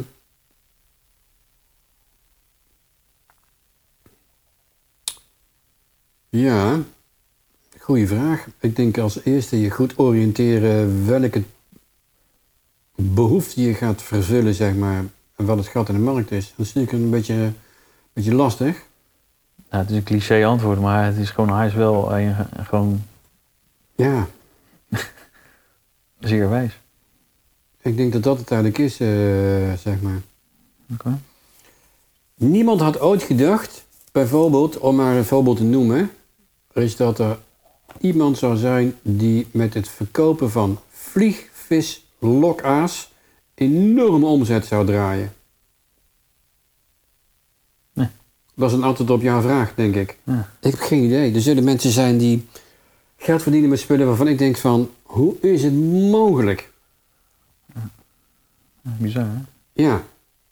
Dus ik denk dat dat het is, eh, zeg maar. Zoek iets wat een soort, weet je wel, waarmee je... Een echte niche. Nou ja, waarmee je eh, een, een, eh, behoefte kunt invullen, opvullen, zeg maar, die er op dit moment niet is. Ehm, en daaromheen, als je dan een niche hebt, denk ik, denk ik gaat het niet zozeer om het product, maar het gaat erom of er andere mensen zijn die die hobby ook hebben. Die zeggen, je moet niet dat vliegvisaasje hebben, maar je moet dat hebben, want ik ben in Schotland wezen, bla bla bla. En daar heb ik veel succes gehad bij dat soort aas. Dat is tips waar je wat aan hebt. Dan vervolgt de omzet namelijk vanzelf bijna. Hè? Tussen aanhalingstekens vanzelf. Ja. Omdat je relevant bent. Namelijk. Ja. Dus je verkoopt niet het product, maar je verkoopt de oplossing en het resultaat daarvan. Dat is volgens mij het echte meerwaarde van e-commerce uiteindelijk. Oké. En eh, als je nu zeg maar een e-commerce bedrijf hebt en je bestaat al een jaar of vijf, Mhm. je doet echt goede zaken, eh, weet ik voor 100 bestellingen per dag. Mhm. Eh, waar zou jij op dit moment zeer kritisch naar kijken? Nou ja, je noemt het straks zelf al. de grote jongens komen eraan. Is je product straks nog wel, eh, zeg maar, eh, onderscheidend genoeg? En sta je stevig genoeg in je schoenen? Oké. Ik denk dat het is. Wat als je nu webwinkel bent en je zit nog niet op Bol en Amazon? Volhouden of eh, zeg je van nou, dan, dan, dan mis je echt de, de plank. Sla de plank mis. Ik weet niet waar de grens ligt van wanneer het rendabel voor een webwinkel is om je op Marketplace ook te gaan begeven. Ik ook niet. Snap je? Dat, dat is volgens mij eh, natuurlijk het eh, meest eh, belangrijke. Om te gaan beslissen, ga je nou gedeelte van je marge die je gewoon nodig hebt weggeven aan Bol? Of denk je van ja, Ja, als je 100% van je omzet via SEO binnenhaalt, dan is er niks aan de hand. Organische traffic. als dat zo zou zijn. Snap je? Maar er is volgens mij niet één antwoord nu te geven. Zo bedoel ik het eigenlijk. Ja, ja, ja. Ja. ja. Een lastige dus. Ik vind het te lastig inderdaad, ja. Dat is samen van die reden waarom ik nooit een eigen webwinkel ben begonnen. Lekker met andermans Dat is veel te geld. veel gedoe. Ja, ja, ja, zeker. ja. Hey Rick, ehm, ja, ik denk dat we eh, heel veel besproken hebben. Heb je zelf nog iets dat je denkt van, nou, dat wil ik nog even kwijt? Ehm, ja, ik las je uitnodiging, eh, las ik eh, om binnenkort eh, september, hè? Wat zeg ik, moet ik zeggen? Niet binnenkort. Ehm, samen te komen. Ik, ik zie er naar uit om, om iedereen, iedereen kennis te maken. Eh, dat is één. Ehm, en ik denk dat het goed is als initiatieven zoals dit, zoals jij nu begonnen bent, eh, zeg maar, er zijn. Eh, want in de zo snel veranderende wereld van online, digital, e-commerce en nou ja, eh, alles wat met digitaal te maken heeft, zeg maar, eh, is het bijna niet bij te houden, zeg maar, wat je moet doen om je, eh, laat ik het maar een beetje kort in de bocht zeggen, om je toko draaiende te houden. Dus wat beter dan met gelijkgestemden vrijblijvend van gedachten te wisselen. En gewoon eens out of the box misschien weer dingetjes aan te horen. eh, waar je wat aan zou kunnen hebben. Ja, zeker. Ik wil ook gewoon echt eh, voor ondernemers die met een probleem zitten of zo, brainstormavonden gaan organiseren en Ja. dan gewoon een pizzaatje laten komen, een drankje. Ja. En dan van nou, eh, wat is je probleem? Nou, oké, we zitten hier met twaalf knappe kerels la- Ja. of dames, maar allemaal knap koppen. Laten we Ja. eens even kijken ho- hoe we dit probleem eh, kunnen gaan tackelen Ja. en hoe gaan we de toekomst in. En, Daarop voortbordurend, eh, de uitdagingen, want ik praat liever niet over problemen, maar uitdagingen, die de wat eh, minder grotere ondernemers hebben, zeg maar, zijn niet uniek, hè? Ik heb bij bedrijven gewerkt, de grotere jongens, om het maar even zo uit te drukken, groot, dat ik dingen tegen ben gekomen en denk van, het kan niet waar zijn. Geen probleem is uniek. Nee. Echt. dat, dat, maar dat, eh, dat weet ik al heel lang. Of je nou een miljard omzet draait, of je draait een eh, paar tussen aanhalingstekens eh eh 10.000 euro's omzet. Echt geen probleem is uniek. Nee, hè? Nee, dus wat dat betreft, ja, ehm, denk niet dat je het enige bent. Zo bedoel ik het. Ja, als ondernemer die een uitdaging heeft, zo bedoel ik het eigenlijk. Maar dat is natuurlijk ook eh, waar, we het de vorige keer over gehad hebben. Dat zeg maar de, de grote bedrijven die nu nog niet of te laat online zijn ingestapt. Die hebben nu ook nog weer die kruideniersgedachte van online. eh, en eh, hoe gaan we dat oplossen? Ja. En wat kost dat dan? En, Ja, ja, je ziet ook partijen, kijk, ehm, nee, laat ik eerst terug wat ik eerste wilde zeggen, is dat ehm, het lastigste is voor dat soort bedrijven die zich realiseren dat ze eigenlijk misschien wat te laat zijn, zeg maar, dat ze al qua interne systemen zoveel achterstand hebben, zeg maar, dat het een enorme uitdaging wordt om überhaupt eerst de inhaalslag eh, te maken verouderd CRM, verouderd eh ERP, verouderd fulfillment, eh weet je wel. Ze gebruiken nog WordPerfect bij wijze van spreken en dergelijke. Het gaat nog met print en digitale e-mail. Alles dwars door elkaar heen, zeg maar. Om dan te zeggen met z'n allen van... ja, maar we willen over twee jaar willen we een, weet je wel, eh, full service e-commerce model hebben. Forget it. Dat gaat niet lukken. Hm? Want je moet eerst de interne eh boel op orde maken, zeg maar. Daar consensus over bereiken van hoe krijg je die spullen vervangen en elkaar eh, verbonden, zeg maar. Voordat je kunt gaan bouwen. Want je, je kunt niet bouwen op een instabiel fundament. Nee. Dat is het allerbelangrijkste. Want anders dan dupliceer je namelijk de complexiteit van die je zelf al hebt geconstateerd. En dan kan het nooit het worden. Die boodschap brengen is altijd het meest lastige. ja, Dat je eigenlijk zou moeten zeggen, als ze met z'n tweeën koffietjes drinken, donder maar gewoon weg en begin opnieuw. Dan kun je het niet zeggen. nee. Maar dan komt het soms wel op neer, Nou, eigenlijk. Ik heb het zelf één keer ervaren eh, bij een klus. Ja. Ja, en dat is natuurlijk best lastig. Maar een grote fabrikant inderdaad. En eh, weet je wel, gewoon alles, alles geworteld, geworteld. Dus oké, en eh, weet je wel, eh, Dries, ga jij dat maar eens even runnen. Ja. Nou, dan ga je dat runnen en dan loop je echt gewoon vanaf dag één. Ja, maar dat gaan we niet doen. Nee, precies. Maar dat kan niet. En Nee. dat kan niet. En hier krijg je geen medewerking voor. En dat gaat nooit lukken. Nee, precies. En, ja, en dan is het belangrijke, dat soort trajecten, het is nooit alleen maar een technisch trucje, het is een heleboel change management is er ook nog eens Ja, tussen. ja, ja, Dus ze moeten voeden waar de pijn zit. Dat is Ja. het enige. Het moet eens bloeden. ja, Zo simpel zit het. zeker. En daar moet je het stoppen. Ja, Ja. Duidelijk. hey, eh, dankjewel. Maar voordat we afsluiten heb ik altijd nog een vast vragenrondje. Dus eh, daar gaan we nu aan beginnen. Ehm, als mensen contact met je willen opnemen naar aanleiding van dat gesprek, eh, mag dat? En zo ja, hoe doen ze dat? LinkedIn. Makkelijkste. Rick Mares. LinkedIn. Zo hebben wij ook eh, elkaar gevonden. Precies. Oh, nee, dat is niet waar. Nee, via Robert. eh, Sorry. ja. Ja. Waarvoor, waarvoor dank, Robert. Ja. Ehm, hoeveel is genoeg? Nou, in principe eh, hangt het er vanaf. Dat is- Dat is mijn eh, drive. Eh, zolang je nog motivatie hebt, eh, is het nooit genoeg genoeg. Simpel zit het voor mij. Kijk eens aan. Je hebt geen stip op de horizon. Eh, nee, zolang ik, zolang ik motivatie heb, verschuift die stip namelijk toch iedere keer. Duidelijk. Ja. Ja. Wat is jouw favoriete podcast? Oeh, dat is een goeie. Kijk, Ik heb er een paar. spiekbriefje. Ja, ik moet even op mijn abonnementen eh, kijken. Eh,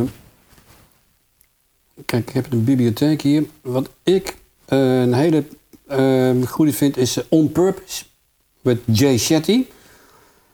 Eh, ik heb er een paar. De CMO Talk eh, volg ik. En de Nama Rama Show. Die is enorm leuk. Is die, eh. ik zou je de, link wel sturen, dan kun je er kijken. Ik heb er een aantal, die, ik- zijn er, het zijn er gewoon te veel om op te noemen. Kijk, ik, ik luister me helemaal suf. Dat is echt leuk. Dus ik stuur ze wel op, dan kun je ze in de dingen zetten van de podcast. eh. Dat is goed. Ja. Wat is jouw laatst gelezen managementboek? Het is niet echt management, maar het is deze. Databedreven marketing. is uit van, de, van Danny Oosterveer. Kijk eens aan. Kopen mensen. Over hoe eh, kun je data bedreven worden in plaats van data gedreven. Danny is op dit moment eh, online marketeer bij, marketeer bij eh, Burgers eh, Zoo. Oké. Hij is een autoriteit op, eh, op eh, data en analytics. Nou, Oké. Ja, dat is echt een aanrader eh, eigenlijk. En het andere boek, het is, het, ik heb er serieus niet op voorbereid, maar ik heb vakantie, dus ik ga het lezen. hè. Is dit boek eh Gimme a Break van Nathalie Hazenberg. Daar heb ik een tijdje geleden een workshop eh, bij eh, gevolgd bij ABN AMRO. En dat gaat over doorbraakdenken en doen voor pioniers binnen organisaties. Nou, gaaf. Ik zie mezelf, en dat blijkt ook gebleken uit het rollenspel wat we hebben gedaan, als een, iemand die breakthrough thinking doet. Oké. Is het, het, het, ik ga er bijna van stotteren. het is een enorm interessant boek. Kijk aan. Echt. Je hebt hem al gelezen. Ik ben er nu een beetje, het is maar 100 eh, zoveel pagina's, eh, 126 of zo geloof ik.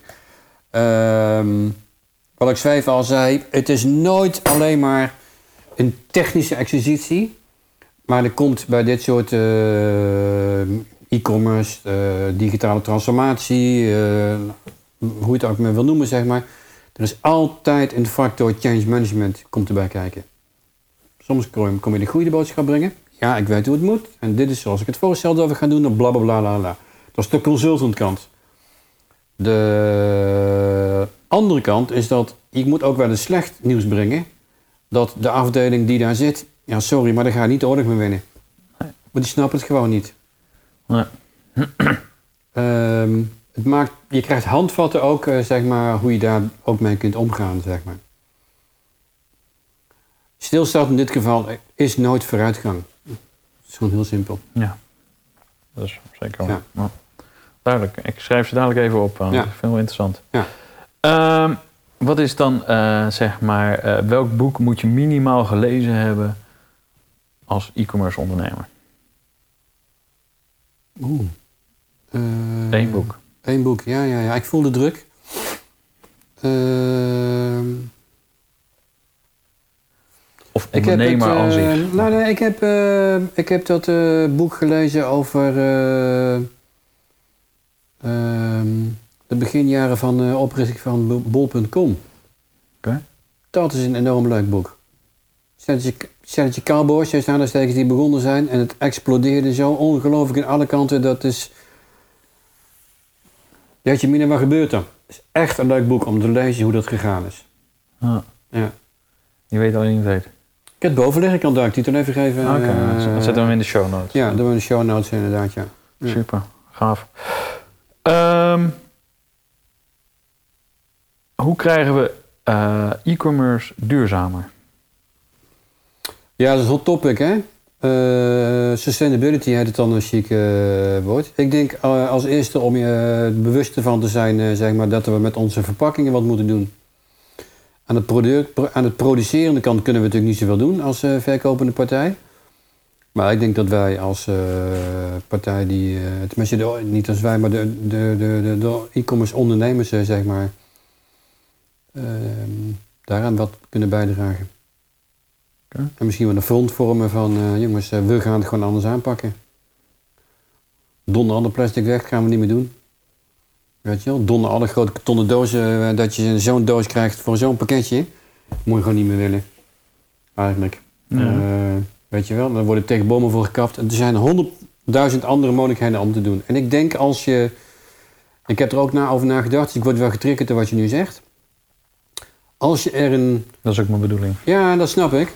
Eh, missie geslaagd. Ehm, Stel dat jij 5% meer moet betalen voor jouw bestelling. Of een 10 cent, zeg maar. En daarmee de garantie dat een gedeelte van die opbrengst te goed zou komen aan het sustain- sustainability project. Wat als doel heeft gesteld minder bomen kappen en er meer milieuvriendelijke verpakkingen creëren omdat biologisch karton, eh, afbreekbaar karton eh, geproduceerd wordt. Ik weet, ik hoop, laat ik het dan maar zo zeggen, ik in ieder geval zou daartoe bereid zijn. Oké. Dus een, een, dubbel, een, een kleine opslag om voor eh, duurzame verpakking. Dat jij als consument dat gaat betalen. Ja. En maar vind je dan dat ik als consument dan de keuze moet hebben? Ja, ja, ja. ja. Nee, maar ik, bedoel, ik denk ook wel dat het kans van slagen heeft. Zo bedoel ik het. Ik bedoel, wij zijn zelf ook ooit namelijk eh, onderdeel van het probleem. Hè? Want we zijn de Ja, veroorzaker. tuurlijk. door alles wat we namelijk online bestellen. Ja. Nou, laten we dan, laten we dan zeg maar, ook verstandig daarin zijn, zeg maar. eh. Ja. Draag dan een, een tientje, tientje, 10 cent bij, bij wijze van spreken, of een percentage bij je bestelling. Zodat je weet dat dat ten goede komt aan eh, sustainability eh, oplossingen. Zou jij, ik weet niet hoe het hier zit, maar ik woon bijvoorbeeld in Den Haag en dan heb ik op 50, 60 meter, heb ik een, ik, volgens mij in een straal van 50, 60 meter heb ik vijf afhaalpunten. Eh, een van DHL, een van PostNL en weet ik veel wat. Eh, Albert Heijn, eh, dus bol.com. Zou jij bereid zijn ook om je spullen op te halen in plaats van thuis te laten bezorgen? Dat doe ik al 90%. Omdat je vaak niet thuis bent. Nee, omdat ik spullen niet door de deur pas, door de brievenbus pas. En dan moet ik ze toch sowieso ophalen. Dus ja, dat schiet ook niet op. Nee, precies. ja, oké. Maar dan hebben ze al wel door de, deur, door de straat gereden. Nee, nee, nee, nee, nee, nee, nee, nee. Ik ga altijd direct laat ik het meteen ergens dat ik het waar het op kan pikken. Oké. Ja. Dus dat zou natuurlijk ook wel eh, heel veel schelen. Dus al die wagentjes niet meer door de straat rijden. Ja, precies. Ja, dus ik, ik vind dat ik op mijn manier daar al een soort bijdrage ga leveren. Door in ieder geval niet meer in ieder geval een- iemand aan te laten bedden voor een dichte deur.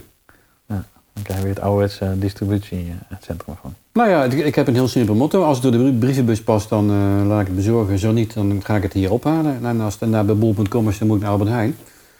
Bij een eh, een bedrijf moet ik ergens anders naartoe. Dankjewel. Hoe lang draag jij een, eh, een spijkerbroek voordat je mast? Eh, meestal twee dagen. Wie zou mijn volgende gast moeten zijn? Ja, ik heb nu eigenlijk al eh, een vraag of u me aan hem wil introduceren.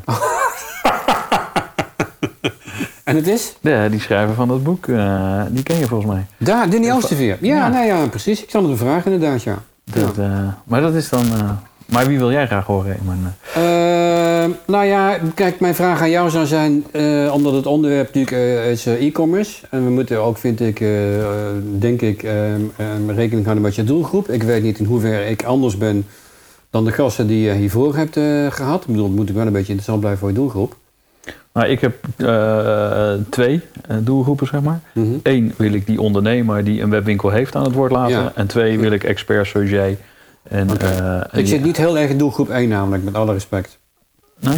Nee, dat is, ik, ik kom niet uit die wereld. Nee, precies. Zo bedoel ik het. Ja, nee, maar, Ja. Daar, maar je hebt wel heel veel expertise in huis. Dankjewel. Eh, Denk ik. eh, Ervaar ik. eh, een interessante eh, zou zijn, is een maatje van mij, Jeroen Jansen. Jeroen Jansen die heeft eh, onder andere gewerkt bij Dollar Shave Club. Ehm, waarbij hij in Europa het subscription model heeft geïntroduceerd van Dollar Shave Club. Je kent de Dollar Shave Club, hè? een abonnementsmodel Ja. scheermesjes, maar het is ook male grooming. Hè? Dus je zalfje en je crèmpje en je van alles nog wat eh, en dergelijke. En hij is, eh, nadat hij daar weg is gegaan, eh, zeg maar, bij Jumbo heeft hij ook Customer Experience Director is hij geweest trouwens. Ik vergeet natuurlijk een heleboel namen wat hij gedaan heeft, maar hij snapt wel hoe het werkt. Plus dat hij een hele aardige kerel is. Die heel veel te vertellen heeft op de goede manier. Ehm, hij is nu eh, de Customer Experience Agencies begonnen, waarmee die bedrijven helpt zeg maar, om Customer Experience op elkaar te zetten. En vervolgens oplossingen aan te knopen, zeg maar, van hoe word je dat dan? Wat is het dan eigenlijk precies, zeg maar, weet je wel? Dus hij maakt van het abstracte, maakt hij het gewoon eh, meetbaar en je kunt er nog geld mee verdienen ook, eh, uiteindelijk. Dat heeft te maken ook met loyalty natuurlijk. Bijvoorbeeld is eh, Coolblue alles voor een glimlach. Dat is natuurlijk de ultieme customer experience, vindt men heel vaak. Ehm, hij, heeft, hij is wel een leuke gast. Gast als in, hij is sowieso een goede gast, maar hij is ook een gast voor jou, voor je café, om uit te nodigen. Oké, leuk. Ja, dat zou denk ik wel mijn aanbeveling zijn. Maar ik wil hem het liefst introduceren voor daarna, Danny. Doe Ja. het zo. Lijkt me leuk. Ja. Ja, Ja, zeker. eh, met, met de diergaarden. Dat is helemaal eh, wat we allemaal met de data kunnen doen. En, eh Nee, het is niet diergaarden, het is hier eh, om de hoek, hè? Het is het eh Burgers Zoo. een burgerzoen, ja. Oh ja. Ja. ja, heel gaaf. Ja. Rick, dankjewel voor je tijd. Dankjewel, man. Voor de gastvrijheid. Eh, Coronaproef. keurig- Coronaproef op anderhalve meter. Eh, Ja. Het is de tweede poging. De eerste keer eh, was eh my mistake. Eh, de batterijen van de, hè, de, de microfoons deden het niet. Dus eh, nogmaals, eh Geeft niks, joh. En wie weet zien we elkaar eh, de 14e September, hè? eh, op de Ja. borrel bij, eh Ja. eh, bij Veilen. Ja. Leuk. Ja. ja, en mochten mensen een vraag hebben of wat dan ook, eh, zeg maar eh, in de show notes en mijn LinkedIn profiel. En dan natuurlijk, eh, Komt helemaal sta goed. altijd open voor kopjes koffie, brainstormen en van alles nog wat. eh. Kijk dan. Ja. Top. Leuk. Ja? Dankjewel. Weer bedankt voor het luisteren. Vergeet je niet te abonneren voor onze podcast. Geef een aantal sterren die jij vindt dat we verdienen. En schrijf een review met wat jij vindt wat goed ging of verbeterd kan worden. Ga naar e-commercecafé.nl voor de laatste ontwikkelingen en de show notes van deze podcast. En word lid van onze community. Tot de volgende. En tot die tijd lekker veel online verkopen.